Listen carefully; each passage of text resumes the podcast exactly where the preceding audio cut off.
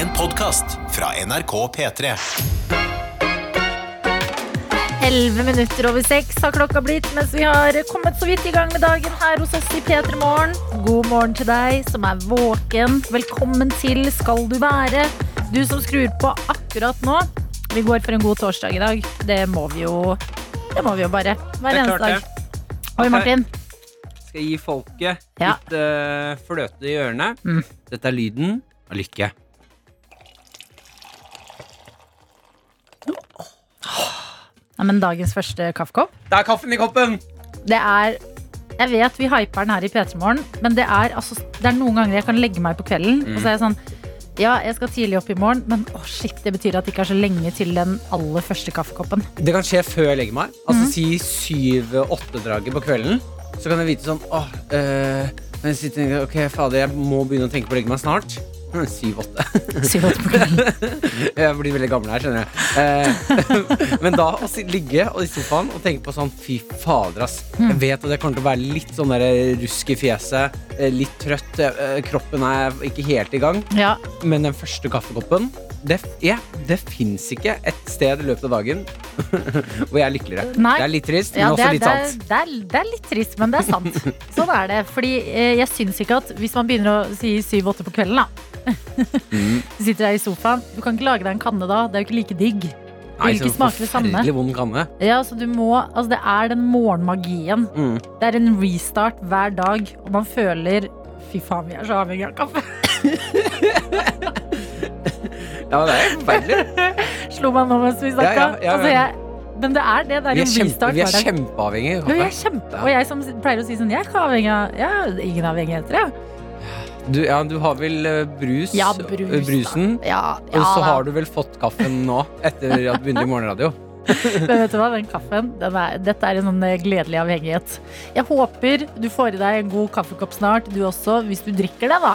Du som er våken eh, akkurat nå. Hvis ikke så finnes det jo alternativer. Te, juice, toddy. Ikke sant? Kakao, kanskje? kanskje? toddy på morgenen! Mm -hmm. Lages en liten kanne toddy. Undervurdert eh, varmdrikk. Jeg har aldri vært på et eh, Nei, vet du hva, jeg har litt lyst til å bli han fyren, merker jeg. Ja, Som, toddy. eh, når vi får nye folk som kommer inn her og skal jobbe. Mm. Ja, Hei sann, Karsten.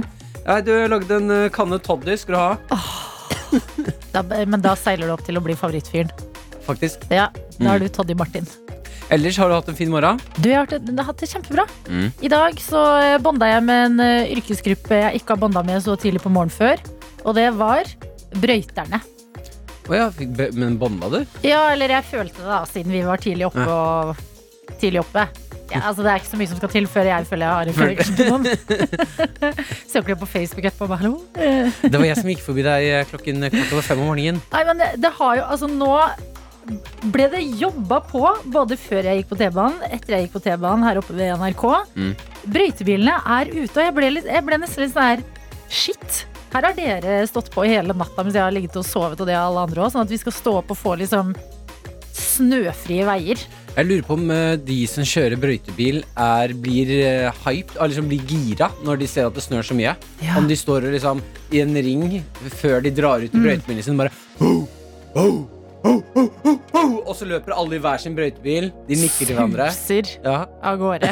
Ja, det lurer jeg på. Det ser veldig gøy ut å kjøre en brøytebil, da. Hun flinkeste i gruppa, hun skal ta den vanskelige løypa. Ja. Sjefen er sånn 'ikke ta noen sjanser'. Er du sikker? Ok, da sender vi Vi sender deg av gårde. Masse lykke til! Alle står og vinker De av vet ikke om vi kommer bare- tilbake. De vinker sånn tørkle, sånn som på Titanic ja. når båten skal kjøre. Står alle bare Men det være vanskelig, da. Fordi at du kan jo også kjøre inn i en sånn bussholdeplass. Det må være lett å ødelegge ting når du kjører brøytebil. Ja, hvert fall når du Jeg opplever når man kjører bil når det er så mye snø, så ser man jo ikke kantene på ting. ting. -hmm. Så jeg har vært, jeg har vært borti noen kanter på vei hit. Jeg klart det. Eh, men eh, da, du, da er jeg bare borti kanten med en, en altså gummihjul. Mm. Men det å være borti en kant med en brøytebil Ja. Uh. Så du de i dag? Eh, Så en brøytebil, ja. Ja, ble, Mm. Følte du en connection? Mm, nei. Nei, men du har kjæreste, vet du. Ja. Og hun. ja, det er det. Det er det, ja. Mm. Men uh, selv om du ikke har banda med brøytebilene, og selv om du rakk sendingen på sekundet, Ja. har du hatt en fin morgen? Ja det? ja, det vil jeg si. Jeg Dro, strakk meg litt lenge. Mhm. Litt sent ut av døra. Tenkte ok, jeg får bare liksom ta et par ekstra raske skritt, så rekker jeg det her. Ja. jeg glemmer jo at man må uh, i, skrape bilen.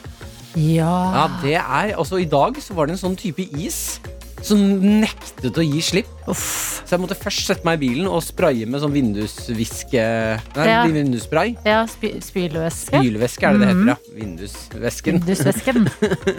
Eh, spyle med den, og så ut igjen og begynne å skrape. Ja. Og den isen var bare sånn Jeg vil ikke bort! Mm. Så jeg måtte altså stå med det var, Jeg gikk løs med neglene på et tidspunkt. Åh, Mm. Nei. Jo, da bare for å få den bort. Det en Forferdelig. bitte liten drittungeis. Ja. Eh, og så resten er uten Bortsett fra det, ja. så har jeg hatt en helt prima morgen. Martin og Adelina ønsker deg en god P3-morgen. P3 Morgen. Det er liv og røre i Snapchaten her. Ja. Eh, vi har fått inn en del filmer. Eh, da både fra folk som er irritert på is på ruta, og brøytebilmannskap. ja. Irritert på brøytebilmannskap? Nei, nei, nei, irritert på is på ruta. Ja. Og så har vi fått noen andre filmer fra folk som kjører brøytebil. Spennende. Vi starter med irritert på is på ruta. Ja. Vi har fått en snap fra eh, Carl, som høres sånn her ut. Ja, Martin, jeg er helt enig med deg. Den isen som var på bilen i dag Fy faen, altså. Helt umulig å få av. Jeg har det fortsatt på ruta. Se her. Se. Klarer du å se den isen der, eller? Den er steinhard.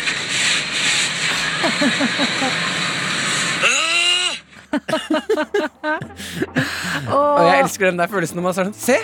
Se, da! Den går ikke av! steinhard. Og jeg ble glad av å høre stemmen din, Carl, selv om jeg skjønner at det er dritt å stå der og skrape is eh, Ja. tidlig på morgenen. Og det som er veldig fint, er at uh, man tenker kanskje Nei, Carl var ute og kjørte med is på ruta. Uh, det var uh, Han har godt dekke. Det var på en måte sikte nedover. Ja, ja. Det var en god del av ruta var is, og så fikk han godt sikte. Ja. Men da så du faktisk hvor tjukk den isen på ruta hans var. Shit. Så det var et sånn tydelig skille. Oi.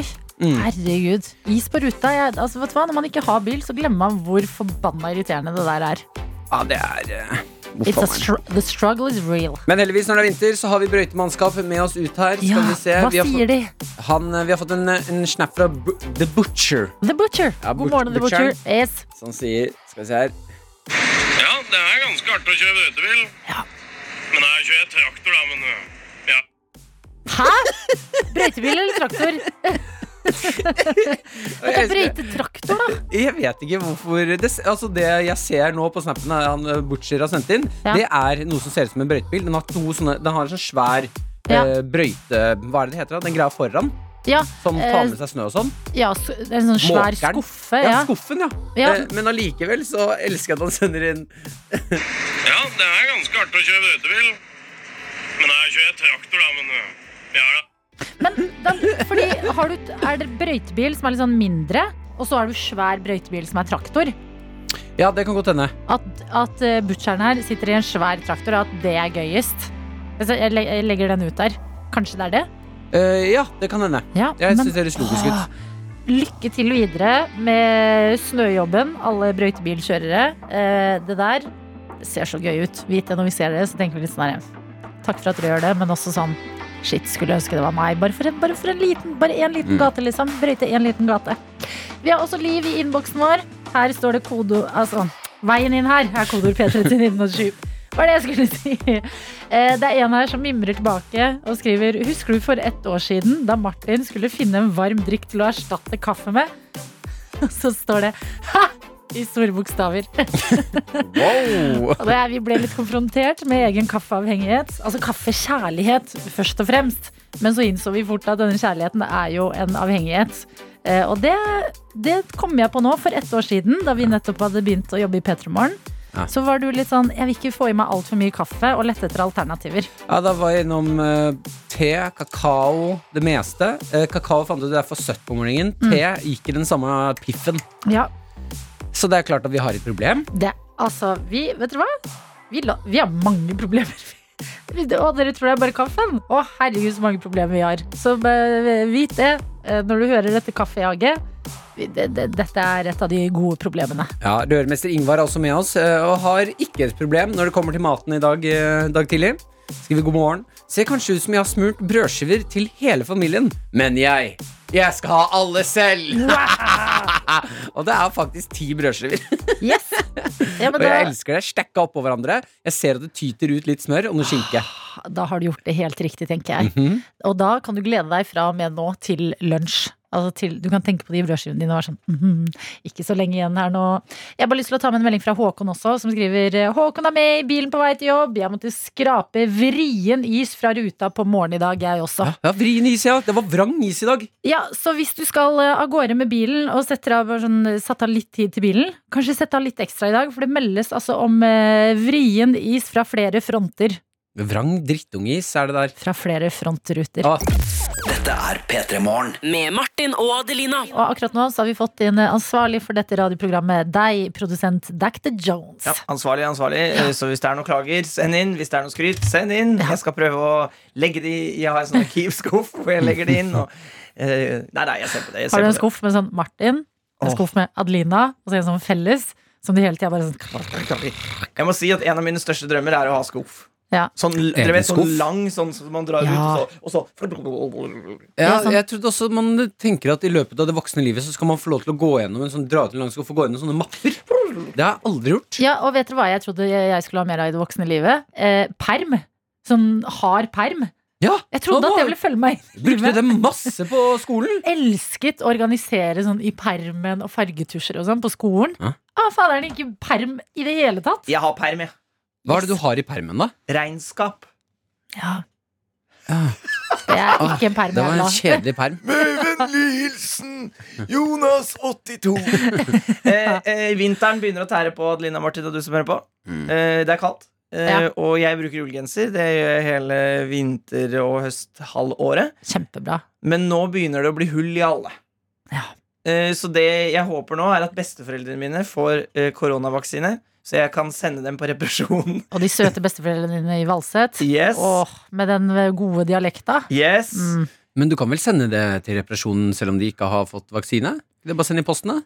Jo, det er sant. Ja. Men, men her er problemet. Da får jeg ikke brukt ullgenser. Ja. Og da Eh, blir jeg kald. Ja. Du kan kjøpe én som du kan ha. Du kan kjøpe den brukt, for eksempel. Ja. Og så kan du ha den mens de andre blir fiksa. En ventegenser. Ja, du, du må liksom alltid ha noen å rullere mellom. For, ø, en dag vil da den nye som du kjøper nå, gå full i. Da er det andre. Ventegenser. Det burde faktisk være flere butikker i nærområdet hvor man kan levere inn ødelagt klær, si en Mm. genser, og så sier de ja, da fikser vi den. Da er vi, da bare kom innom i morgen. Her er ventegenseren din. Ja! Sånn som man gjør med en bil hvis man må det på verksted med det. Mm. Men det som er at eh, jeg er så konservativ i ullgensergamet mitt at jeg vil egentlig bare ha det, eh, de jeg har. Ja, men du klarer én dag med ventegenser, selv om den ikke er eh, det du er Ja. ute etter. Det er sant, det. Og ja, det er sant, det. Det Tenk om det er genseren i ditt liv. Tenk om du tar på deg den genseren og Gikk bare du inn i psykose nå, Jonas? Hva var det som skjedde? Blikket ditt rett ned i bakken. Det er sant, det. Det er sant, det. det er sant, det. Det er derfor jeg kom på det at hver gang man kjø jeg, jeg har kjøpt eh, En gang i Trondheim for mange år siden Så kjøpte jeg en brukt uh, ullgenser. Fy fader, den var så bra, den. Sant! Den- Men er ullgenser litt sånn som blir bedre med åra? Ja. Jeg ser for meg det. Og jeg, te jeg tenkte også at den trenger litt hull for å være en ordentlig ullgenser. Ja, ja. Men ikke sånn store, upraktiske hull som gjør at det blir kaldt. Og en ting som eh, vi snakker om å bli voksen her, eh, det er jo å lære seg å, stå, også, å, å reparere ullgenser, selvfølgelig. Ja. Jeg skjønner jo at eh, jeg burde lære meg det, gå på kurs, så vi får se. Du, jeg ser for meg at du kunne vært god på å strikke. Har du, Ja. Det er kjempemange som har det som hobby nå. Ja. Føler det har tatt av. Alle rundt meg strikker. Og jeg er litt sånn her, ok, jeg vil egentlig jeg òg, men har jeg det i meg å starte nå? Kunne du tenkt deg å begynne med det som en sånn hobby? Har ikke du litt hyperaktivitetsproblemer? Nei, Men kanskje det er der du liksom lander? Men jeg, jeg begynte med Skam eh, mye senere enn alle andre. Så jeg tenker når denne strikkegreia land, lander, da skal jeg begynne. Tenk på Martin, da, som ikke så Pulp Fiction før i fjor. Han skal ah, begynne å strikke strikke har, om dere har begge år. sett Pulp Fiction? Mm. Sjukt bra film, ass. Ja, vill Du film. som hører på, burde se Pulp Fiction hvis du ikke har sett den. Ja, det er eh, Dritbra. En av de, ja, en filmhist- går inn i filmhistorien, den filmen der. Jo, men virkelig. Det er, Den Altså, det, Vi høres ironisk ut nå, men den er en forferdelig bra film. P3. Vi har med oss Camilla som har sendt en melding hvor det står God morgen, Martin og Adelina. Jeg melder om at jeg er med dere direkte fra start for første gang siden dere starta i fjor. Ikke fordi jeg måtte stå opp tidlig i dag, men fordi jeg ville hilse på dere. Jeg er ja, Det er så hyggelig. Eh, Dette er noe av det koseligste. Jeg er fast lytter til dere på podkast, og det er jo den podkasten som eh, kommer ut senere på dagen av eh, hele dette programmet. Eh, Men det var jo ganske hyggelig dette her, da! Ha en deilig torsdag, skriver eh, Camilla. Og så skriver hun noe jeg liker veldig godt. Gi et kompliment til en fremmed og se hva de gjør. Vi snakkes. Ja, det komplimentgreiene har eh, Det syns jeg høres skummelt ut. Jeg, jeg backer det så hardt. Altså, Et kompliment til en fremmed i dag og se hva de gjør. kan være et litt sosialt eksperiment. Mye skumlere å gi kompliment til fremmede enn man tror. Du står ved siden av noen du ikke kjenner, og så skal du plutselig ut av ingenting sånn Hei, Ja. fin, fin kjole. Ja, men Komplimenten komplimenter fra fremmede, da vet du at de mener det. Jeg husker det en gang, så var det eh, en jente som liksom kom ned over gata etter meg, Mm. eh, og så var hun sånn Du, jeg må bare spørre deg. Den jumpsuiten, den var kjempefin. Hvor er den fra? Og jeg bare Å, herregud. Ja, men da Jeg er et fashion icon. Tenkte Du gikk rett dit, ja. Jo, men jeg, ble, jeg var helt sånn her Herregud, noen har stoppet meg for å si at de syns noe jeg har på meg er fint, og lurer på hvor jeg har kjøpt det. Det er jo noe av det vakreste du kan få. Mm, ja, ok, men det kan jeg, det kan jeg si meg. Hvis man går, Den approachen er fin. Ja. Vi har også fått en snap fra Ringenes, Ringenes herre. Yes! Eh, dette er en, brøytende Hvem av dem er det? Dette er Brøytenes mann. Å ja, ok. Ja, Brøy, Brøytenes. Ringenes herre har, eh, sitter på vei hjem fra jobb i eh, 110-sona. Han kjører i 40, eh, og han er lettere irritert. Prøver å holde tilbake sinnet. Vi kan høre. Ja, her ligger jeg i 110-sona. Går ikke fort, altså. 40 km. Har nettopp vært ute og plaget folk og vært i veien i 17 timer i brøytetraktor. Og på vei hjem så havner jeg i brøytekø. Brøytebiler på veien. Ja! Kan jeg bli sur? Brøytekø må jo være verdens beste kø. Dere kan vinke til hverandre og vite at dere har eh, brøyta alle veier. Ja, når du har sittet i 17 timer og brøyta før du skal hjem, Mm. Og så havner du i brøytekø på vei hjem, 40-sona 110, den da Jeg sier ja. Du kan få lov til å bli litt sur i bilen. Ja, Ja. Litt, greit lite grann da. Vi har eh, med oss, fordi vi begynte jo å, å snakke en del om brøyting i dag. Fordi eh, jeg møtte på flere brøytebiler på vei til jobb i dag. Ble litt sånn, eh, følte en connection. Syns det er gøy å tenke på, eller ikke gøy, men det er nesten det er fint å tenke på at noen har jobba på hele natta, sånn at når vi våkner, så er det bare snøfrie veier. Eh, og noen av disse bilene, de holder vel sikkert fortsatt på noen steder. Eh, de ble vel litt sånn her, er det brøytebil, er det forskjell på brøytebil og brø- brøytetraktor, hvordan fungerer det? Det var litt nytt der. Og Stine på Lillehammer, hun er fra en brøytefamilie i Follebu, og hun kan gi oss fasit. For her står det En brøytebil er lik en lastebil. Traktor med fres er lik en brøytetraktor. Det foran på lastebil som brøyter, det er en snøplog. Sånn at alle Altså, du kan vel feste da en snøplog På på en traktor, Ja. og da har du en brøytebil. Skjønner? Ja, At det er liksom ikke en egen brøytebil, det er eh, noe du ja så med en fester gang du da tar av den plogen, så er det en traktor. Ja. Ja, Så da traktor, traktorbrøyte, Ja. og så lastebilbrøyte. ja, så har du trak traktor med fres. Brøytetraktor. Fres. Det syns jeg, Denne eh, oppklaringen her, Stine på Lillehammer, megaviktig. Jeg gleder meg til jeg møter en som har traktor, og så skal jeg spørre en sånn ah, fet traktor, har du fres på den, eller? Ja, Hvordan er det med snøplogen om dagen? Så kommer Valdres-Bjarne inn i SMS-innboksen vår, og eh, Om han skal tas ned igjen på bakken? Ja, og her står det Jeg var ute og brøyta ishockeybanen i går med liten traktor foran og børste bak. Hadde den fres, da? Midt Ikke sant? Mm. Men eh, hør nå, fordi det gir mening. Det, det resonnerer det Valdres Bjarne sier. Mitt tips, Adelina og Martin. Ikke prøv å imponere en traktorkjører oh, med deres kunnskap. Jeg klarer det ikke. Spør heller hvor mange hester den har. Hilsen fra Valdres Bjarne. Og det syns jeg var litt sånn Nei, Det- det jeg nekter det nekter jeg å bli med på, Bjarne. Jo, som rekker opp hånda og bare oh, can, can you please not? Sånn, ikke flere av dere som tror dere vet sånn cirka hva dere prater om. Tenk så mange ganger Bjarne har stått med noen som har da kommet bort og åpenbart ikke kan noe, men er som, er som oss, Mm. og er sånn Ja, Mm. Ser dere, er det noe fres her, da? Hvordan er brøyterne i dag? Det er kjempegøy. Men tenk også å gå bort til deg, da, Bjarne, og bare Ja, mm, hvor mange hester har du, da? Nei, nei, men hvor mange hester? Altså, har du hest? Jeg ser du har traktor, men har du hest? hester, ja? Mm. Og jeg håper vi møter deg en dag, Valdres Bjarne. Da skal vi plage deg med masse brøytekunnskap. Nei, jeg har 120 hester. Har du 120 hester?! Faen, Hvor er det du bor hen? Har du plass til hvor mye mat det du trenger til de, da?! Det blir mye god pølse. Nei, Nei, Adeline. greit. Altså, man lager jo pølse av hest òg. Se, Dr. Jones sier ja da. Man Mårpølse? Ja, åpenbart gjør man det. Ja da, man gjør ja, hest det. er jo best på brødskiva, jeg har hørt da jeg var liten. Ja, ikke sant. Et eller annet sted i midten der er vel fasiten. P3. Og nå har vi også med oss Bjarne på Slakteriet, som skriver En Bjarne svarer på spørsmål til en annen Bjarne. Og det er eh, Jeg. Bjarne Orama i innboksen her. Ja, du kan lage pølse av hestekjøtt også, også kalt svartpølse, men hest går for det meste til destruksjon ved bortgang. Destruksjon ved bortgang. Altså at eh, det går ikke til eh, matproduksjon, men til Altså, jeg, jeg, vil ikke, jeg vil ikke gjøre det Jeg vet ikke hvordan hester eh, destrueres, men jeg vil ikke tenke for mye på det. Jeg håper de sprenger dem. Nei! P3morgen. P3morgen. Med Martin og Adelina. Og i dag er det torsdag, og nå kan vi alle se Framing Britney Spears. En dokumentar laget av The New York Times, som har fått veldig mye oppmerksomhet de siste ukene på internett, og som nå ligger ute på NRK TV. Og man skjønner etter å ha sett den hvorfor den har fått så utrolig mye oppmerksomhet som den har. Eh, Fordi Britney Spears sitt liv det er et liv levd i offentligheten. Og det har vært eh, oppturer, og det har vært nedturer, og de har altså eh, media hengt på og dratt masse nytte av. Men, har du sett den? Jeg har sett den, og ja, Ah, ja, imponerende. jeg så klokka fire i natt. Nei da.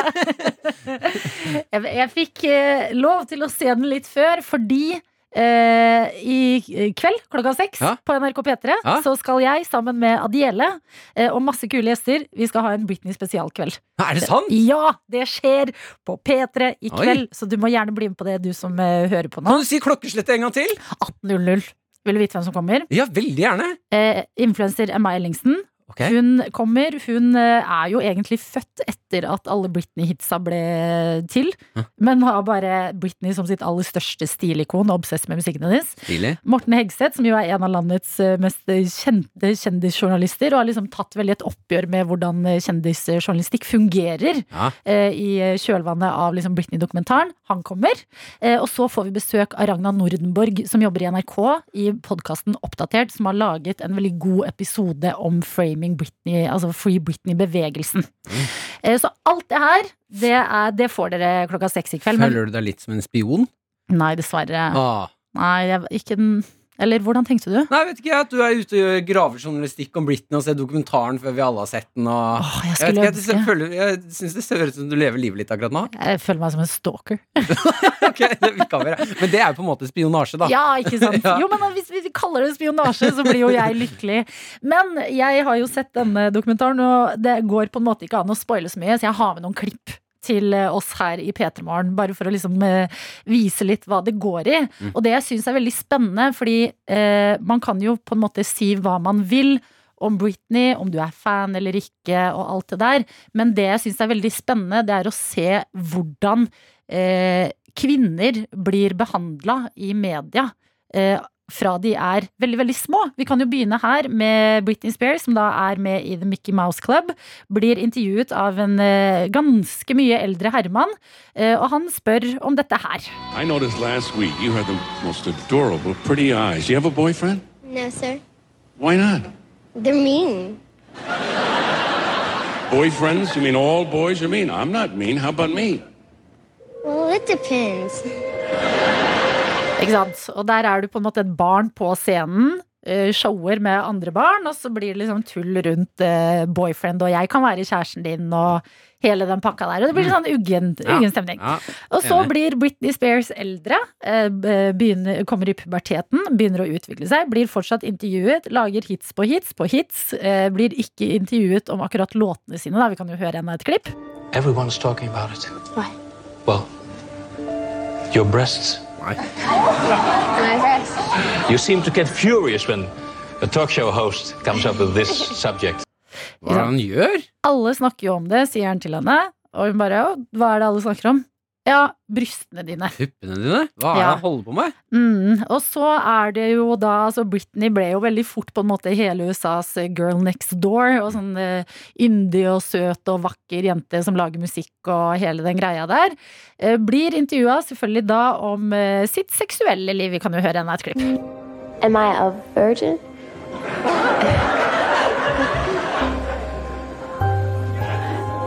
Um, yes, I am a virgin, and I definitely want to try and have sex till I'm married. I just want to wait for that special someone. So. Og det er jo da fordi hun blir spurt Ja. Er du Ok, sitter der med Britney, er du en jomfru? Og det er på en måte det jeg syns er så spennende Eller sånn, Jeg blir veldig glad for at denne dokumentaren lages, og at den lages av en så seriøs aktør som New York Times. Fordi at da, da blir det ikke sånn skjøvet unna som bare sånn å, kjendiseri, ditten datten. Fordi det er jo et problem hvordan eh, unge jenter har blitt behandla og fremstilt i media veldig lenge. Sånn at, at man får se det, og en god ting med å se dokumentaren er jo at vi ser at heldigvis har vi jo kommet ganske mye lenger. Altså, eh, intervjuer foregår eh, ikke akkurat som det er lenger. Men det der har vært så vanlig, da. Og da blir man jo også litt sånn sittende og bare Er det rart et menneske går på veggen? Og til og med når du da får psykisk sammenbrudd og shaver av deg huet, så blir du liksom holdt litt for narr for resten av verden. Jeg husker når Britney shava hodet. Jeg. Ja, ikke Eh, sant? Så ble, var det jo uh, humor i det, istedenfor at vi tenkte sånn Oi, oi, oi, oi, oi, oi. Mm. Skulle vi kanskje ikke ha lagd masse internetthumor på at hun nå har blitt gæren? Ja, nettopp. Og så er det sånn, de bildene går viralt, og det er liksom eh, forsider overalt, og nå har hun klikka og hele den greia der.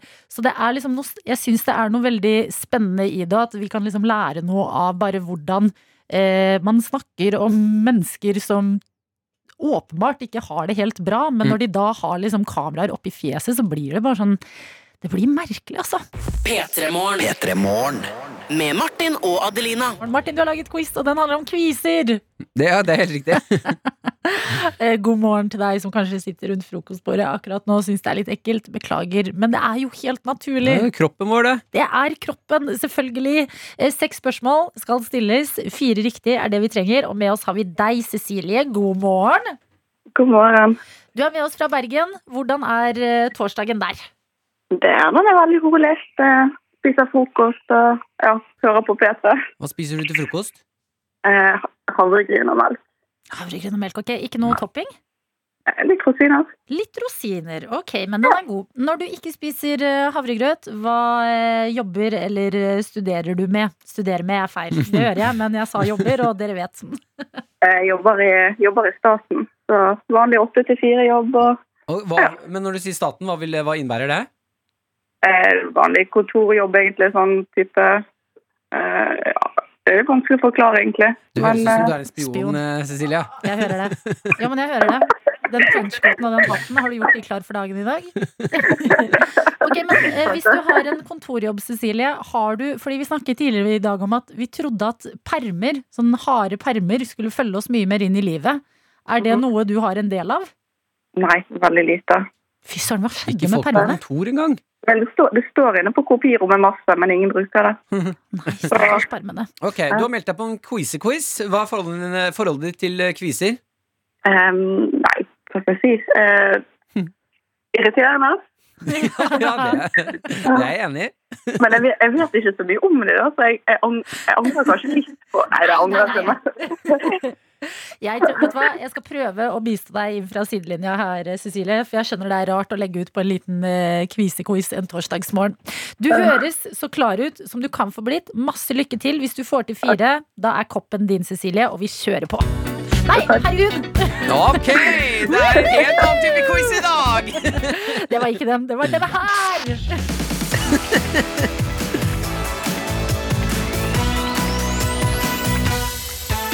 Cecilie, første kvisespørsmål lyder som følger. Hva består kviser av? Eh, Det står, består kanskje ikke det betennelse i huden. Ja, men Hva er det som er inni kvisen? Hva er det gule eller hvite inni der? Talg? Ja, det talget er helt riktig. Adelina, det var eh, I grenseland. Ja, det var Jeg vet grenseland Jeg tar hjelping. selvkritikk, men spørsmålet igjen er inne, og det gjør noe med selvtilliten. fleip eller fakta, Cecilie. Gutter får mer kviser enn jenter. Nei, det er fleip. Det er fakta! Det er sjukt. Ja, ja, ja, ja, ja. Kviser er også et Hvorfor, latinsk hva, Hva? hva er galt med oss jenter, liksom? Hvorfor vil ikke kvisene komme til oss? Ikke like mye lønn eller like mye kviser. Ja, det er der kvisene diskriminerer de da. Kviser har også et latinsk navn. Hvilket? Eh, akne vulgaris. Oh, det er helt riktig. Jeg hadde godtatt bare akne, men du klinka til. To poeng her inne, det er bra. Hvilket, klesperg, eh, oi, hvilket klesplagg fra merket Akne var svært populært for noen år siden? Åh, var ikke den Jeg har den sjøl, den eh, Angora-genseren. Min heter i hvert fall Akne Raja, den modellen. Det, det, Går du det for genser? Ja, det er genser. Ja, det er feil. Det var skjerfet. Nei! Og jo da? Ja, skjerfet. Ja, ja, greit. Ok, Det betyr at du har to feil inne, Cecilie. To spørsmål igjen. De må du ha riktig på. Om du var en stor kvise som ble poppet, hvordan ville det hørtes ut?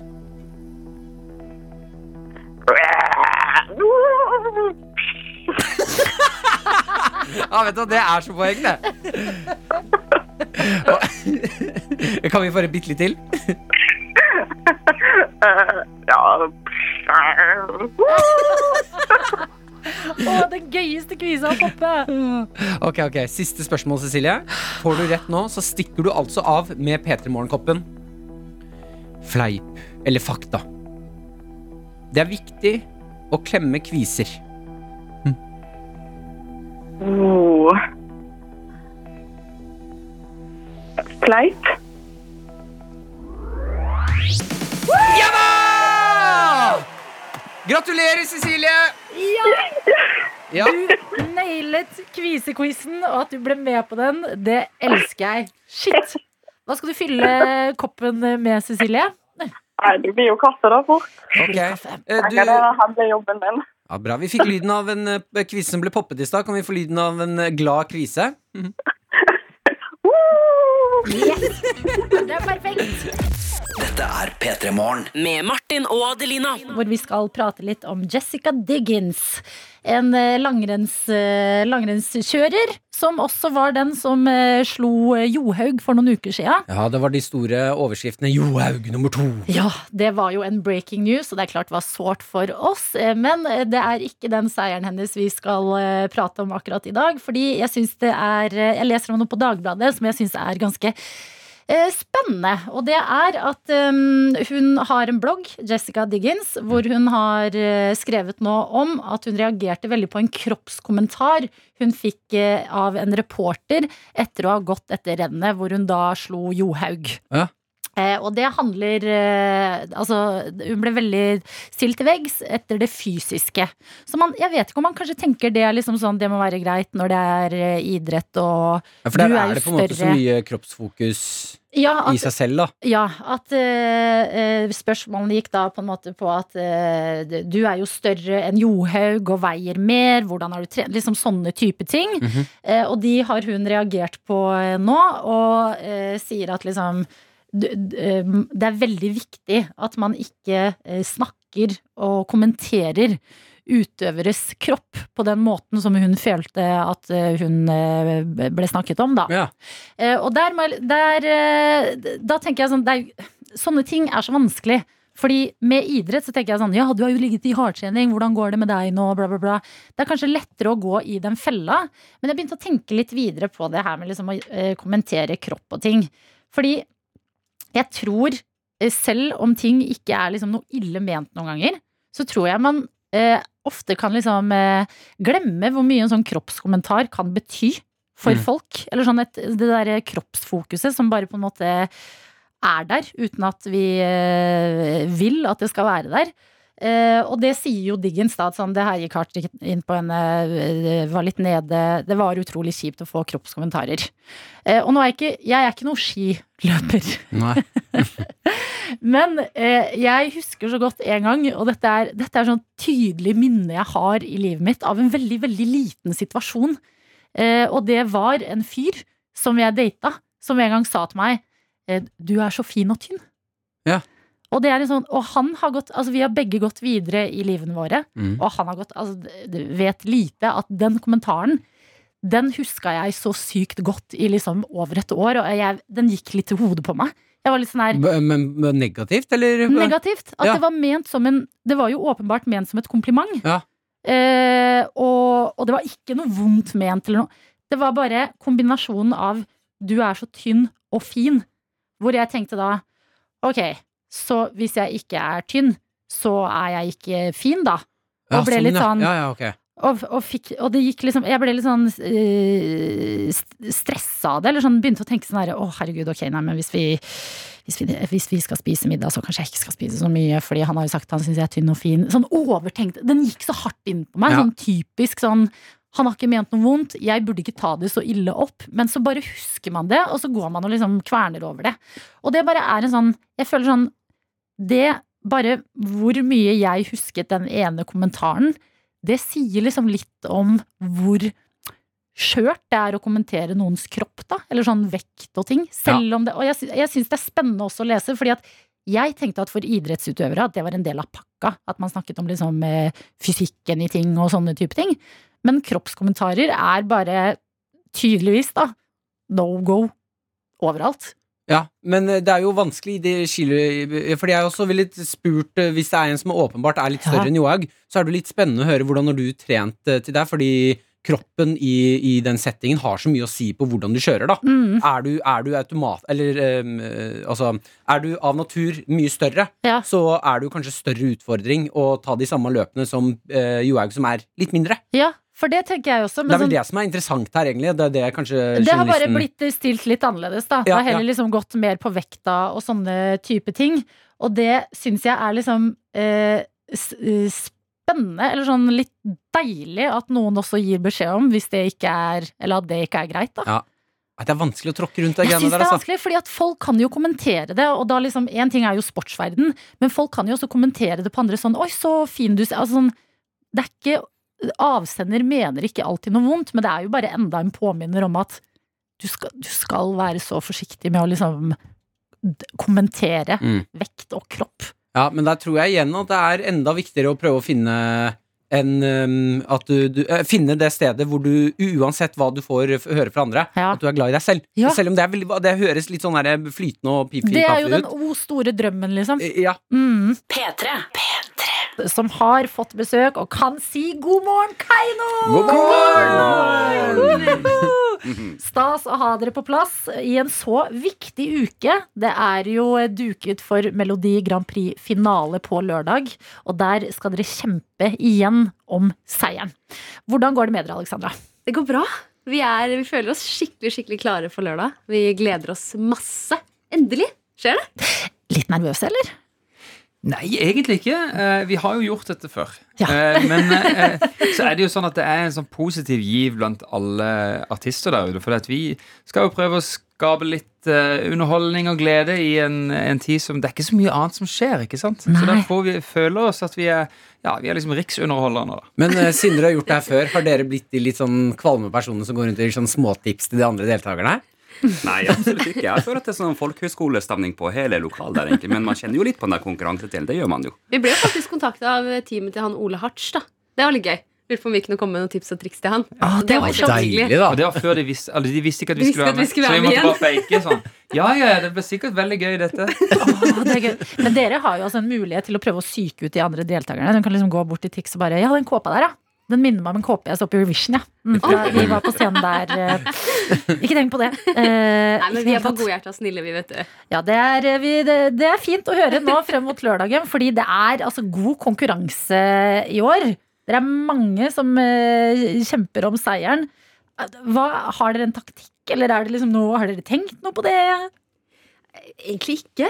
Jeg tror det viktigste for oss er bare å, å nyte det og stå der og ja, ha det gøy de tre minuttene vi står på scenen. Og så er det jo sånn, det er jo ikke, det, fin- det er jo ikke to Tix, det er ikke to Keiino eller det er ikke to Reine Alexander. Det er bare én av oss. Det er jo fordelen. at Det er ikke så mange like, selv om det er mange flinke og veldig mange eh, profilerte artister. Så jeg føler det er ingen som liksom direkte konkurrerer. Så det kommer an på hva publikum syns skal representere Norge i Eurovision. For dette er, det er jo det det handler om. Hvem som skal til Rotterdam. Shit, det er et stort press på oss i publikum også. Ja, Hvem fader skal representere oss i Rotterdam? Men sist så vant dere jo publikumsstemmen. Altså Spirit in the Sky. Folk elsket den. Eh, hvordan har det vært å lage oppfølgeren, som er veldig god? Vi hørte nettopp Monument. Altså, hvordan var det å gå sammen igjen og, og lage noe nytt? Du, Det var helt fantastisk å møtes igjen, for det her, den blei jo til i fjor sommer. Og da hadde vi ikke sett hverandre siden eh, av det var lockdown, og vi var liksom spredd i alle ulike deler av landet. Så møttes vi på ei hytte, og da var vi superkreative. Eh, og la først noen melodilinjer Eh, og så syns vi liksom låta begynte å ta form, og så var vi sånn Den her låta den trenger et tema, et liksom dypere tema. Og så sto Fred der med rødvinsglasset i hånda og bare Hva er det som står igjen etter oss? Etter et endt liv? sier han. Og vi begynner å tenke, vet du. Bare sånn hvem er de hverdagsheltene som fortjener en hyllest, som har betydd så mye for andre, men som ikke nødvendigvis får statue reist etter seg eller gater oppkalt etter seg? Så begynte vi liksom å drodde litt, og så hadde vi Alexander Olsson, som er tekstforfatteren i Keiino, som på en måte kunne få alle våre tanker da, ned på papiret på en veldig fin måte. Jeg tror man, Etter man var, har uh, sittet litt for mye hjemme alene og tenkt, så er det sånn ja, Hvilke momenter i, eller hvil- hvilke momentum i livet er det du kommer til å huske den gangen Mm. det, det er over? ikke sant? Det er jo Mm. de, her, de tingene som, de relasjonene som var veldig sterke, eller f.eks. de opplevelsene som når jeg sto på Glastonbury-festivalen med 190 000 andre, og alle bare var kjempeglade. og Du Ja. er der med den du elsker. Bare sånn. Det er jo de tingene vi husker. Og det er, vi vil liksom det er, Hva er det som står igjen? Og vi håper at Ja. Vi Mm. håper det kommer der igjen. Ja. Men Jeg blir, veldig, og jeg blir også veldig nysgjerrig på en hyttetur med dere tre. altså, er Den eh, blir fuktig. ja, det blir det, ja. Jeg ser for meg det rødvinsglasset. Det var ikke første. Er det, Nei, nei, det er sånn charterglass. Det er ikke sånn der fint, liksom. Det er sånn skikkelig charterglass som nesten bikker, vet du. ja, det er det. Hva er det som står igjen etter oss? Skål, da, dere! Tomme glass og et helvete å rydde opp. Det kunne også vært låta deres. Ja, men det vi ble lager Ja. Vi har jo vært mye ute og reist, og det som etter Eurovision i fjor så Vi har jo, eh, vi har jo vært nesten konstant på turné eller, og skrevet Mm. låter rundt forbi, så Så det var litt deilig med lockdown. Ja, vi, vi, er, vi er ganske vant til å både spise mat og drikke sammen. Ja. Ja, men det- er jo en god ting, da. Flere burde jo gjøre det. Det kan komme veldig gode låter ut av det. En litt fuktig hyttetur. Det kan ja, vi det er ha så i hyggelig, fordi at Når vi skriver låter, så gjør vi til en opplevelse. Vi drar ut og fisker krabber, vi drikker rødvin, lager masse god mat. Eller Tom lager masse god mat. Vi spiser. Så det er sånn veldig god stemning når vi er på tur og skriver sanger. Mm. Jeg blir inspirert. Jeg skal på hyttetur i helga sjøl. Får se om det ikke dukker opp noe kreativitet der, for å si det sånn. You said forever, now I drive alone past your street. Olivia Rodrigo, Drivers License på NRK P3. 13 minutter på halv ni her hos oss, som har besøk i dag av dere, Keiino. Eh, jeg vil bare høre først der. Eh, Drivers License. Jeg har hatt helt hekta på den låta her. Vi spiller den masse på P3. Hvordan er det? Har dere hørt noe på den låten? Hva tenker du, Jeg, Alexandra? jeg bor jo på TikTok, Ja, du gjør så jeg har hørt på den masse. Ikke sant? Men så er det liksom, jeg vet ikke, Husker dere hva vi gjorde med Shallow for et par år tilbake? Ja, dere covret jo Shallow på en mm. Keiino-måte. Ja, Mm. Hva hadde dere tenkt om vi tok en liten cover av den her, da? Å ja, takk. Ja, Ja, ja, ja. Litt klubba Rodriguez, liksom? Ja, veldig gjerne. Ja. Med noe joik på Ja. Drivers Ja, License. absolutt. Det ser ut som dere allerede har gjort det. At det kommer Nei, vi har noe allerede Det ser veldig lurt ut. Vi har satt i gang en, en greie, så eh, Nå var det noe hinting her på høyt nivå. Det er de tre lureste fjes vi har i studio nå. På lørdag skal dere kjempe i MGP-finalen eh, om å representere Norge i Eurovision. Dette har jo dere gjort før. Altså Spirit in the Sky, var, det var vårt bidrag, og folket elska det. Men hvordan er det å være med i Eurovision? Altså, det er, det er nesten vanskelig å beskrive, for det er en så vanvittig opplevelse. For det er ikke bare de minuttene du ser oss på scenen. Det er liksom hele reisen når man kommer dit, og alt det som foregår der. Det er liksom, Du kommer til en sånn Eurovision Village, hvor det er masse ting som skjer hver dag. Du får møte masse fans som bare er i ekstase over å møte oss på gata og se oss synge på sånne små euroclubs overalt. og det er helt spredt. Jeg tror det er litt sånn som eh, fotballspillere hvis de går til EM eller VM eller Champions League. For at Eurovision-fans de er like opptatt og har like mye informasjon om alle mulige som har vært med i Eurovision, og har selvfølgelig alle meninger om hvordan du skal bør synge, bør, hvordan du bør stå, hvordan showet skal være. Ja, for kommer folk med tips, liksom? Ja, ja, ja, og det innboksen vår er full av folk som har velmenende tips om hvordan vi bør eh, forandre showet. Og det er er lange avhandlinger, altså. Er det, er det noe jeg, Siden du tar fotballreferanse, er det hooligans? eh, Er vi der, liksom? Det kommer eh, klin gærne menn og skal drive og nikke hverandre ned Altså, for å nå- kjempe om låta si? Det er, jeg føler det er mer, eh, det er mer kjærlighet okay, og, og dans. Og I så fall så tror jeg det er sånn Det er sånn dance-off. Det er ikke slåsskaper Det er sånn Det er eh, dance-off. Det er, her er det, skal folk eh, tror jeg skal danse for å se om hvem som er, er kulest. Oh, shit, Men er det sånn at folk liksom eh, kle, altså, mennesker på gata kler seg ut som sine favorittbidrag? Sånn? Er vi der, liksom? Det skjedde, ja, ja. I, Ja, ja, ja, ja. og det skjedde i 2019, husker jeg. Etter når vi dro rundt på turneen vår før Eurovision, så møtte jeg plutselig mange med den der samme reveparykken Mm. som jeg hadde i musikkvideoen til Spirit in the Sky, som hadde laga sin egen. da Så var det liksom Vilt. bare Er det meg, eller ja, hvem er det? Men når dere drar ned dit altså jeg, for, eh, Alle som er med, og artistene, da Jeg ser for meg at det er ganske mye sterke personligheter. Hvordan er det å henge med møte de andre Eurovision-deltakerne? Det som er så artig Når vi kommer inn i hallen hvor vi alle skal framføre, så hører vi all slags stemmer i alle de her bodene hvor de sitter og chiller før de skal på scenen. Så det er jo all slags folk. Det er som en stor konfektpose med masse forskjellige sjokolader. Men det er litt sprøtt, for det er sånne, du har liksom blitt losja inn i sånne konteinere uten tak. Ja. Og det er gøy når du har da 40 vokalister som skal Som stå i tre timer før show. Det sammenligner jeg litt med sånne toaletter, hvor det er sånn, alle har hver sin lille bås, men det er åpent under altså, alle, alle hører hva som skjer er på sånn, begge sider ja. uansett. Bare at dette er sang, da. Blir det litt konkurranse i hvem som varmer opp best da? At det driver liksom eh, Ja. flekser litt? Det blir sånn intern krig mellom noen. Det var veldig gøy å høre Ja. på. Men eh, spørsmål, hva, hvem ble dere best venn med sist?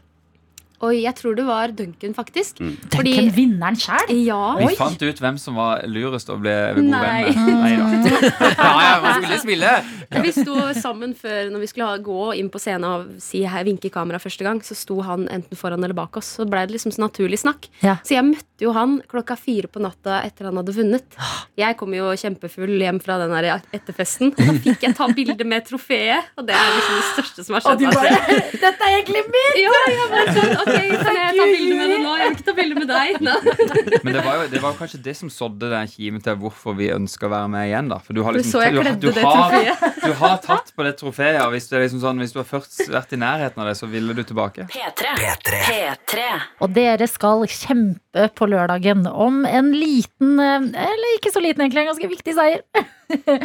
Seieren som vil gi dere en plass i Eurovision i år. Før det skal dere ut i en quiz her hos oss. Vi har tenkt, vi har tenkt hardt, vi har tenkt lenge. Hva skal vi quize Keiino i? Og vi landa på Keiko. Så Keiino, vi skal inn i en Keiko-quiz. Fantastisk. Hva melder seg med en gang dere hører det? Dette kan jeg ingenting om. Nei, du kan ingenting om Keiko? Keiko, okay. det er jo free, Er det free, Willy. Ja, det er Ikke snakk for mye med hverandre. Okay. okay. Ja, Det er altså seks spørsmål. Eh, Jeg tenker Vi tar det på tur. Dere får ett, eh, Vi tar én og én. Eh, dere, eh, Her har dere oss muligheten til å stikke av med eh, noe vi er veldig stolte av. Det er våre egne P3 Morgen-kopper. Der det står 'gratulerer, du har stått opp på siden'. Fine hvite. Perfekt mengde i, kaffe. Helt perfekte kopper. Så dere er på en måte Dere kommer til å få ett og ett spørsmål hver. Og så hvis dere ikke sånn, Dere er avhengig av at hverandre også svarer riktig. Skjønner dere er dere? et lag, da. Mhm. Det Dere er på lag? Unnskyld, gutta. Så riktig, riktig på alle spørsmålene for å få de koppene. Vi ja. pleier å ha fire av seks, da, men jeg er litt sånn, de er tre personer. Fem, da. Fem må vi i hvert fall ha i dag okay, for at okay. det skal bli kopp. Det er det vi må. Hjelpes. Ok, masse lykke til, Kaino. Tusen Her takk. kommer quizen om Keiko.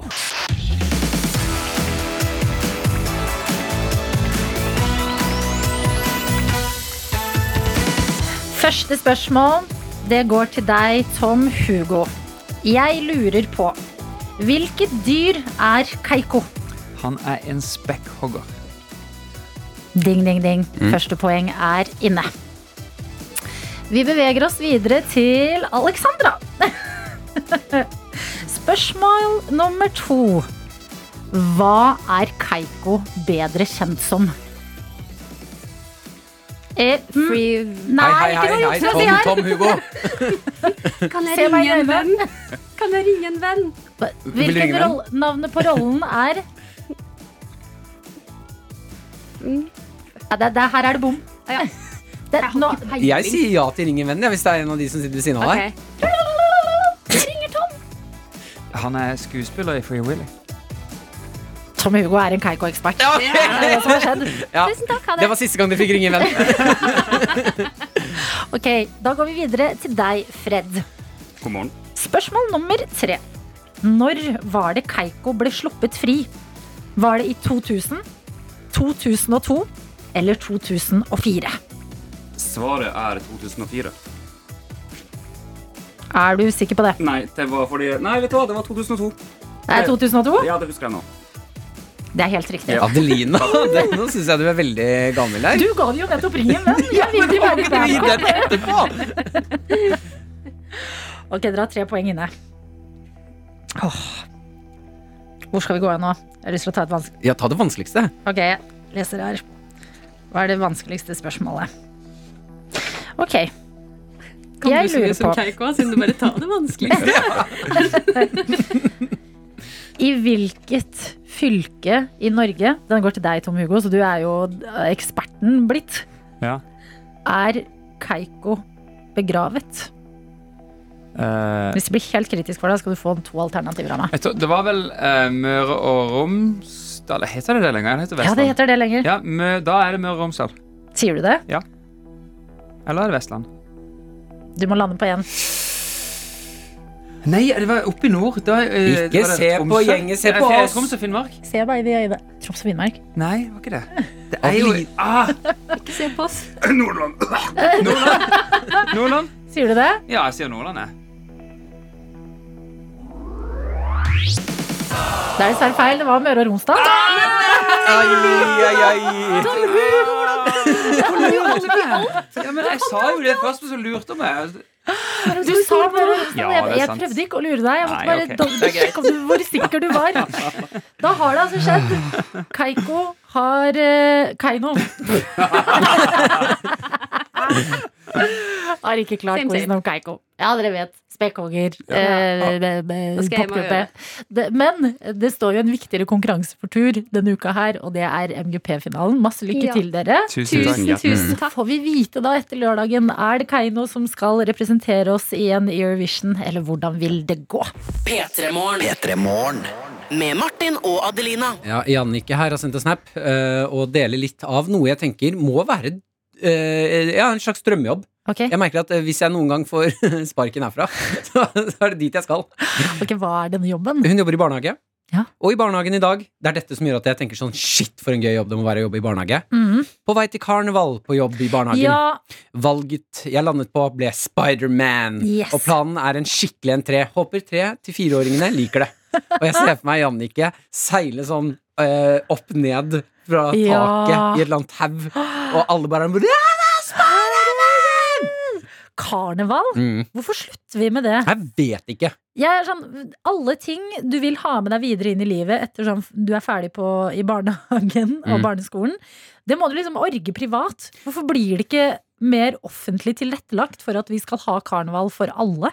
Ja, Men dette her er jo, mener jeg, altså, at vi har et problem i samfunnet vårt. Ja. At uh, når man på en måte blir eldre, så er uh, tingene for oss er pub uh, og fotball og litt sånn MGP. Det er jo gøy, det, men at det ikke blir MGP mer er gøy. Det er, Ja, ja, det er på en måte med indre barnet mye gøy ting og tang, men Mm. at det ikke blir lagt opp til mer sånn voksenlek, sånn som at vi får en lekepark, da, som Ja. er uh, designa for voksne. Ja. ja, det vi får, er treningssenter. Ja, jeg vil også skli Så bare- og huske, sånne svære husker. Åpenbart vil ikke jeg sitte på denne maskinen og ta lårøvelser. Nei, og de sier jo, det var jo for en stund tilbake, så hadde de tatt eh, så, sånn puls- og treningsmåling på en femåring, som var i sko eller seksåring som var i skolegården. Ja. Lurer på om det var en reklame for Tine Melk, jeg. jeg tenker på ham. Men den, den traff deg. Ja, men der tar de og så måler henne eh, i hele, et helt friminutt. Ja. Eh, at hun liksom løper til vennene, der spiller hun litt fotball, og så går hun til skliene, og så går hun og husker, og så gjør hun litt forskjellige ting. Mm. Og så sender de ut Aksel Lund Svindal, tror jeg. Ja, og jeg var så spent på om du skulle si Henny. Aksel Ja. Jeg skal ut og leke litt, grann. kjenne på hva det gjør med kroppen min. Nå husker jeg. Sklien, det er favorittingen min. Eh, Men eh, da sender de ut Aksel Lund Svindal for å gjøre akkurat det samme. Mm. Og når han er ferdig, så sier han sånn Det er noe av den tyngste treningsøkten jeg har hatt. Sånn, Oi, mener han det? Ja, ja, Tror du han mener det? ja, ja, fordi det er Ja, men uansett, Så så jeg har sett han i 'Mesternes mester', og det ser ut som han kan ta ganske mange husker og sklier før han blir ordentlig sliten. Ja, men der har du gjort eksempel når hun eh, jenta dytter på Eller eh, skal eh, svinge en huske, Mm. så har du jo gjort den husken så stor som den er for henne, til han. Ja! Sånn at det er li likt, like tungt for begge to. Ja! Og da blir det en helt sinnssyk treningsøkt. Og det er det jeg mener, det er jo derfor barn er i god form. ja. Fordi de er ute og leker i friminuttet. Kanskje det, det er grunnen til at mennesker får barn? Sånn bortsett fra å sikre framtida og sånn. Fordi at da Mm. får du lek gjennom barn igjen. Ja. Skjønner? Ja. Da kan, du, da kan du liksom lese spennende bøker for barna dine. Du blir med ut i parken og leker med barna. Altså når jeg får kids, Mm. det å skulle lage sånn Åh, fart tenk å i en stua kid. Tenk å få en døll kid. Ja, men det, unger tar etter foreldrene sine. Bra. Mm. Ja. Akkurat som hunder. Gjør de det? Og hunder speiler foreldrene. Du, du blander mennesker og hund så ofte, Martin. P3. Vi mennesker prøver jo hele tiden å finne måter å bli rike på. ja. Mm. Eh, Vi kan ta litt inspirasjon fra youtuberen Asian Andy. Asian Andy. Ja, han, er en av, han har ganske mye følgere eh, på YouTube. Mm. Eh, streamer veldig mye av livet sitt. Ok, hva Eh, går det i da? Er det Nei, liksom det er liksom når han spiser, når han gjør, trener, danser. Han bare streamer helt vanlige hverdagsting i livet. Ja. Eh, og så kan folk donere penger. Og da får de meldingen sin lest opp eh, på YouTube-kanalen hans, eller de kan si 'Kan du gjøre det her? Her er 50 dollar.' Og så må de, han gjøre det. Å, det er morsomt. Det er, han er en liten P3-aksjon, på en måte. Ja, og han har dratt den enda litt lenger. Nå har han altså på ett, en natt tjent 150 000 kroner. Ok. På hva- én natt. Nei, men hvordan? Det han har gjort, er at han satt opp kameraer på soverommet og streamer at han sover. Du tuller med meg. Han har sovet seg rik. Det er jo Det er drømmejobben. Ja, han har hacket systemet. Ok, men da blir Altså, har, har han tjent 180 000 kroner 150. på å sove? Ja, det som skjer da, er at uh, han Han kunne eh, jo gjort mye mer spennende ting. ja, men det er, det er ganske gøy, det konseptet her Asian Andy driver med. For det som skjer, er at du kan uh, donere litt penger. Uh, han skal sove i syv timer, ligge i senga og prøve å sove i syv timer. Mm. Eh, du kan donere penger, og så kan du spille inn lyd. Og så, så kommer den lyden høyt i rommet hans. Å, det er morsomt. Ja, Så han får jo ikke sove, for folk driver bare og kødder med han. Det er en blant annet som kaller seg Sexy Jane, eh, nei, Sexy Steven, som donerer eh, 25 dollar, og så legger han på pew, pew, pew, pew, pew-lyder. så du ser Asian Annie bare åh, åh. Gjennom hele natta så er det masse forstyrrelser. Han får aldri den dype rem-søvnen. Og det er hver gang du er på vei inn i det, så bare da, da, da, da, da. Håper det er noen som har lagt inn eh, var det, var det den mente? Den derre bi. Ja, Åh, det er jo, må jo være verdens verste og beste lyd å våkne til, da. Men tenk deg da å bare ligge og sove. Du blir forstyrret, det er slitsomt. Du våkner opp dagen etter, er litt er trøtt, så er du rik. Hva har du lagt inn av lyd? Oh, godt spørsmål. Eh, kanskje Løp, det brenner! Ja. Andy, det brenner! Ja, Mm. Jeg tror jeg bare hadde sunget, jeg. Jeg tror det hadde vært, det hadde vært vondt nok ja, for Andy. Hva hadde du sunget? Eh, Celine Dion, My Heart Will Go On. Annie bare 'Jeg klarer ikke mer!' Every night in my dreams Det begynner liksom rolig og trygt, og så bare blir det helt forferdelig for deg, det der. Ja, ja, men det er også en måte å bli rik på, da. deilig. Sove litt. P3morgen. Med Martin og Adelina. Fredagsdronningen vår ligger midlertidig nede. Fått hjernerystelse? Anne Lindmo må eh, holde sofaen. Eh, og får ikke laget eh, Lindmo i morgen kveld, så det får vi ikke sett på. eh, og det er fordi hun har fått en hjernerystelse. Og det har hun fått ute på skitur. Og vet du hva? Hjernerystelse det er greier du ikke skal kødde med i det hele tatt. Du fikk jo hjernerystelse i fjor, du. Jeg fikk hjernerystelse i fjor, ja, og, da, og det er det jeg kjenner litt på nå. At jeg elsker jo Lindmo. Hun er jo fantastisk og smart og morsom og alt det. Og jeg, det, nå ser jeg også opp til henne litt på sånn hjernerystelsesfronten. Ja. Fordi jeg føler Anne Lindmo har fått en veldig sånn kle, Hun har fått hjernerystelse på en, sånn, en måte du vil ha hjernerystelse på. Eller gir det mening? Resonnerer det litt? Ja, hvordan har du fått hjernerystelse, da? Falt i, i, på ski. Ja, At man gjør noe sportslig, på en måte? Ja, du er Nå ute jeg på hva slags hjernerystelse det er. ja. Men eh, ja, ja, for du fikk jo hjernerystelse fordi du var på leting i godteriskapet. Ja, Fordi serien du så på, var så kjedelig. jeg så på en utrolig kjedelig serie på TV, og så tenkte jeg hva gjør denne serien litt bedre? Altså, jeg var egentlig ferdig spist på godterifronten den dagen. Det var søndag, spist for mye og burde egentlig bare gå og legge meg. Går bort i skapet mitt, det faller ut noe. Mm. Jeg bøyer meg ned for å ta det opp. Reiser meg i full fart opp igjen. Dang, der er skapet åpent. Og jeg er oh. sengeliggende i to uker.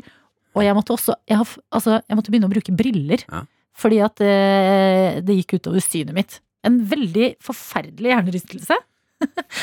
På en veldig idiotisk måte. Og, jeg- og jeg trodde ikke jeg skulle finne meg selv i en situasjon hvor jeg er litt sånn faen, jeg, jeg vil jo heller ha sånn Lindmo. Hjernerystelse. Ja. Ja, for jeg visste ikke at det var en konkurranse i hjernerystelsesmiljøet. Hvordan, eh, hvordan man har fått, hvem, hvem har fått best hjernerystelse. Ja, men, men- jeg mener at din er bedre enn Lindmo sin. Fordi jeg lurer på nå, tror du at Lindmo kanskje når hun kommer tilbake etter uh, denne hjernerystelsen, at hun kjører en hjernerystelsesspesial på Lindmo. At kanskje jeg, kanskje jeg kan komme og fortelle min historie, da. Vet du hva jeg syns? At uh, Hvis ikke hun uh, inviterer deg til å fortelle sin historie, så inviterer vi Janne Lindmo hit for at dere to kan uh, Bonde. bonde over hjernerystelse. Ja! Ok, Dr. Jones kommer inn i studio. Nei, jeg, jeg klarer ikke det her. Jeg, jeg må bare trådle litt nå. Okay. Er ikke det gøy? Men hadde ikke det vært litt gøy Dere, hvis vi fikk liksom meg på Lindmo snakket om den tøffe tida? Men Det var oss, men, men la oss prøve bare det nå. nå Martin, da kan du og jeg sammen prøve å være Lindmo, og så er du på besøk, Adelina. Mm. Bim, bim, bim. Ta vel imot Adelina Ibishi! Hei. Tusen takk. Herregud, så stas å være her. Adelina, du eh, har jo vært gjennom en eh, tøff eh, periode i, i livet ditt. Ja. Eh, Det var en, det var en mørk vinterkveld i Trondheim, Mm. og hva skjedde? Ja, det som skjedde, det var jo at eh, jeg ville ha litt snacks. Hvilke, hvilke snacks?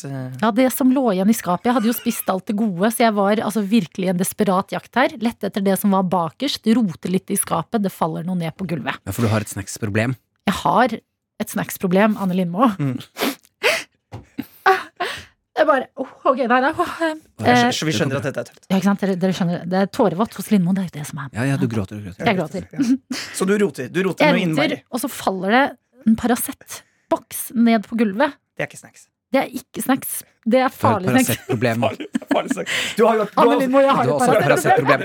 Gråt ut, det går fint. Det går fint. Du har vært avhengig av være stille i mange år. Ja, ja. hjelp! Men du, unnskyld, pause i rollespillet. Ja, ja. Sier gjestene eh, som er på besøk hos Anne Lindmo Anne Lindmo! Nei, men dette er jo Adelina. ikke sant? Jeg tror det kan bli mye sterkere. Mye Ja, bedre. ja, ja. Nei, for de har jo ekte vanskelige historier. Altså, Ja. Nei, ja, må, men dette er helt riktig taktikk. ja, mm, jeg. Du plukker opp, boksen. du plukker opp boksen. Jeg plukker opp eh, Paracet-boksen, kaster den i søpla og tenker nei, Adelina, nei, ikke det der igjen. oh. Og så dunker jeg hodet rett opp og inn i skapdøra og ligger altså rett ut i to uker. Når var det du skjønte at uh, dette her kommer til å plage deg resten av livet? Jeg skjønte det på dag to, når jeg ikke kunne se på Friends på TV. Jeg måtte ha på Friends og høre på det, for jeg fikk ikke lov til å se på skjerm. Da, Adelina Ibishi, kan du gå opp på scenen og gjøre deg klar for å spille din låt eh, 'Candy Crush In My Head'? Ja, da skal vi få på plass eh, kveldens eh, musikalske del, og det er Victoria Nadine. Ja. Be ok her nå. Mm. Jo, men her ligger det noe greier, da. Ja, ja, ja, ja, vi må hit, og så gjør vi en Lindmo-spesial her. Ja. P3. Endelig har vi kommet til det tidspunktet i dagens P3 Morgen hvor vi skal prate om ulovlig klaps. Ja, Lovlig håndklaps. Jeg hva, du, du holdt det her så lenge, Martin. Hvor skal vi igjen? Eh, Det gikk nesten gærent i går når eh, Norge tok gull i eh, parallell slalåm. Ja. Emil Gukild og Kjetil André Aamodt sitter jo i da NRK Sportens studio. De har eh, god avstand, følger med, det er intens stemning. Ja. Eh, Det var ganske sånn Altså det var ekstremt spennende i går. Ja. Og da er det så gøy å høre på eh, sportsfolk og kommentatorer sitte i studio sammen og bli jazze hverandre opp. ja, og, Det er liksom sportskommentatorer, i hvert fall. Og Mm. liksom eh, Kjetil André Aamodt, som også har drevet med dette med eh, sport selv. Mm. Det, det må jo bare være helt sånn sitte på sidelinjen og bare «Åh!» ja. Ja, og vi kan, eh, det vi kan, Jeg kan forklare hva som skjer, Mhm. Eh, men f vi kan først høre hvor sinnssyk stemning det er når Kjetil André Aamodt og Emil Gukild sitter i studio og følger med på gullet som blir tatt. Følg med! Følg med! Det går mot norsk gull! Kom igjen, kom igjen! Han har kontroll over kanten! Yes!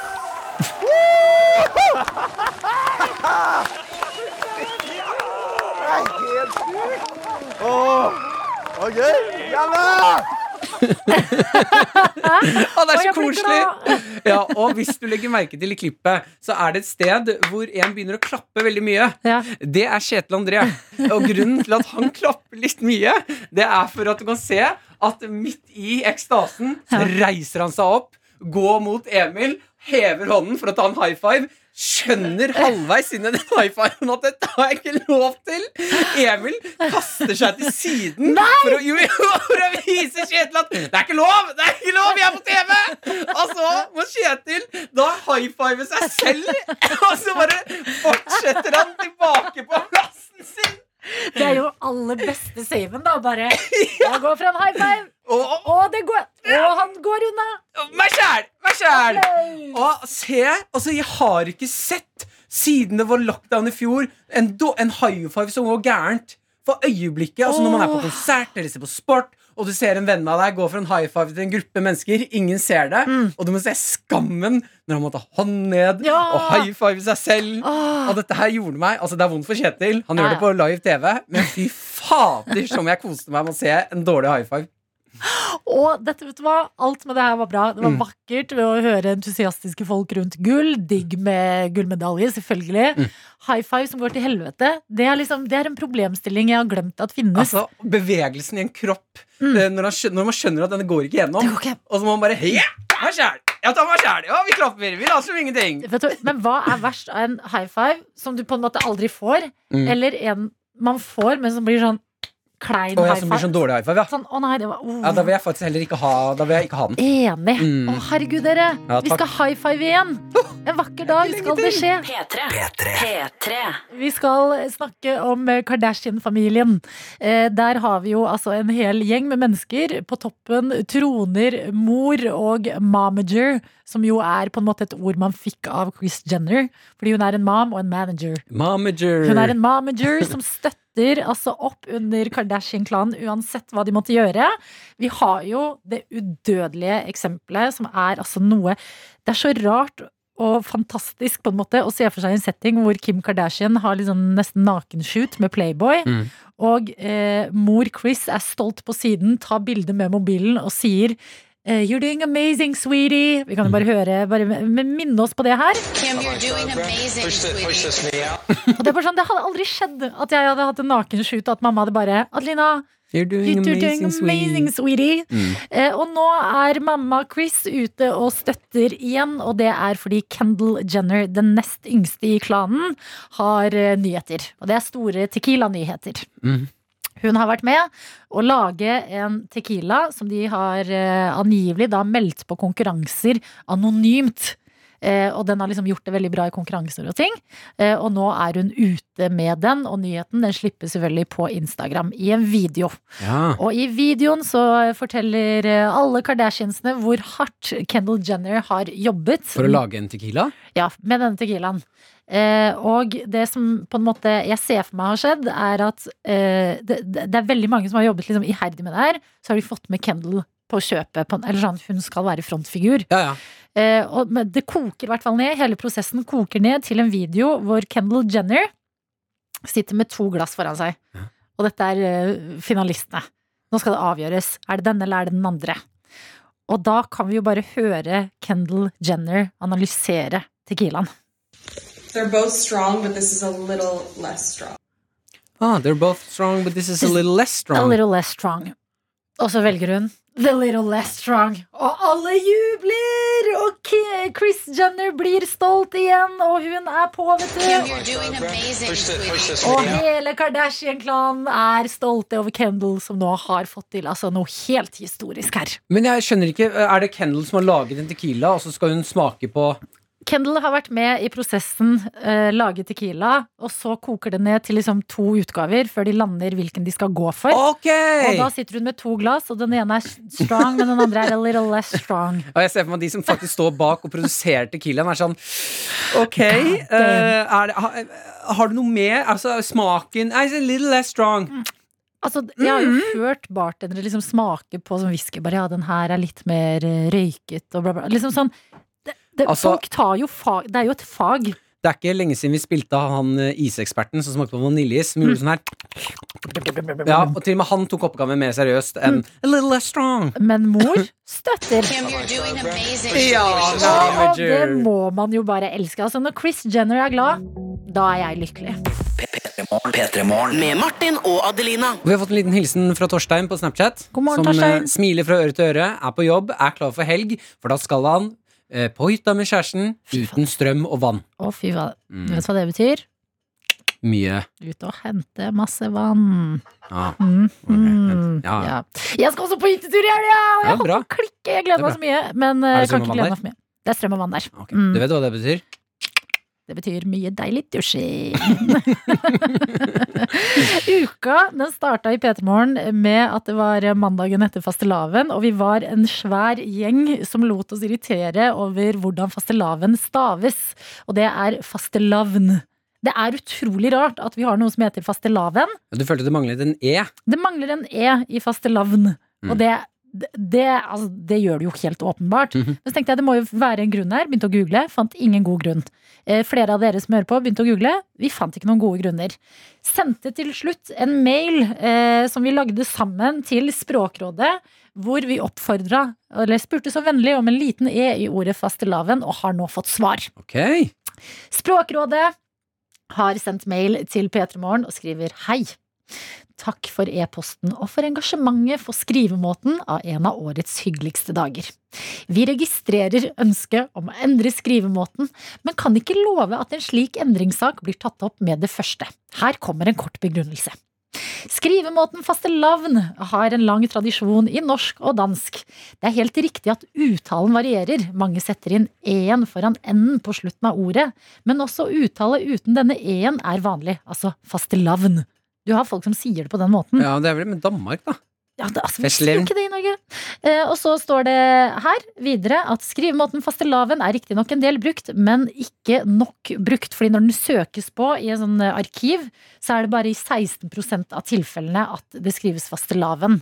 Og det er ikke nok til at man kan rettferdiggjøre og endre det. Så hvis vi her sier 'folkens, begynn å skrive det med E', Ja. så kan vi få en forandring sammen? Det er det jeg leser ut av denne mailen. Folkens, vi må begynne å stave fastelavn fastelavn. For da blir det mer av det, altså en større prosentandel rundt omkring. Mm. Så alle dere i kafeer, bakerne våre, sånne type ting.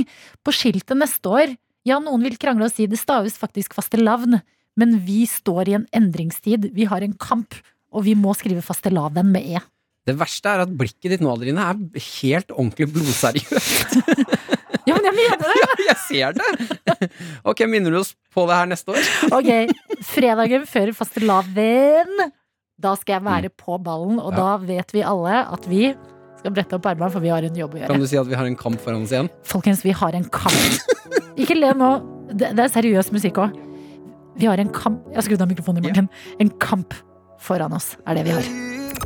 P3 Morgen. Med Martin og Adelina. Fått en liten snap fra bakelærling Elise Ja. som kommer til å gjøre deg stolt.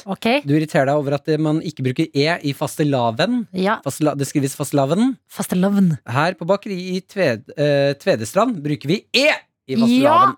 Mm. Ja, det er bil- fremoverlent. bildebevis òg. Og det er fremtiden. Det er fremtiden. Dette er fremtiden, og Ja. dere er allerede i gang, og vi står sammen i det. Jeg har også lyst til å komme med en liten teori om uh, livet, samfunnet vi lever i i dag, og hvorfor uh, vi før i tiden fikk gjort mer enn det vi gjør nå. Ja. Uh, og det er fordi vi har beveget oss inn i en era hvor komfort er høyprioritet.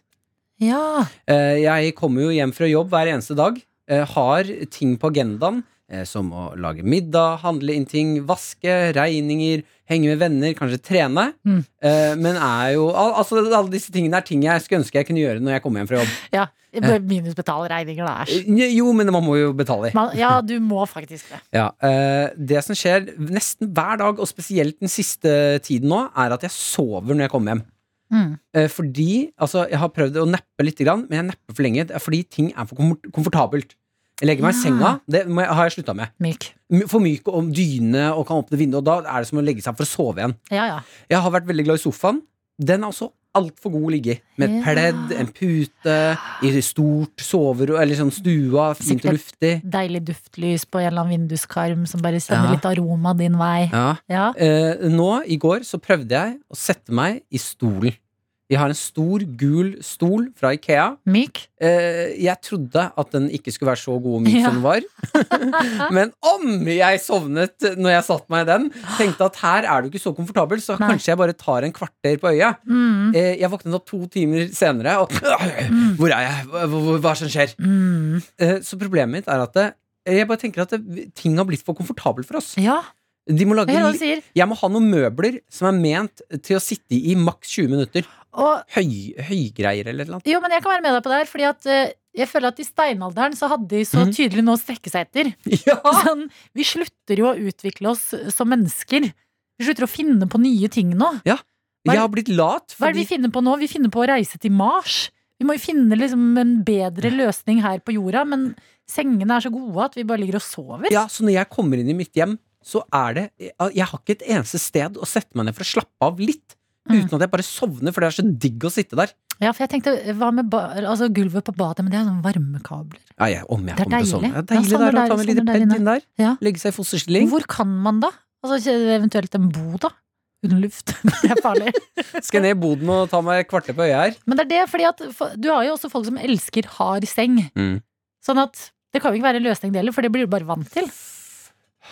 Ja, du, det er et lite hjørne Jeg sliter med nappingen, altså, Adelina. Mm, det Jeg vet sklir Jeg kommer til å havne i dag òg. Nå har Ja. jeg sovet i to timer når jeg kommer hjem. Ja, men alarm. Sluttet å leve. Ja, men du må ikke det. Bare sover. Når vi slutter å leve, da eksisterer vi bare. Og det er ikke et liv. Åh, jeg var litt fornøyd med meg selv. Ja, du var det. eh, Jeg, tror, jeg håper vi jeg holdt på med Jeg prøvde å holde meg.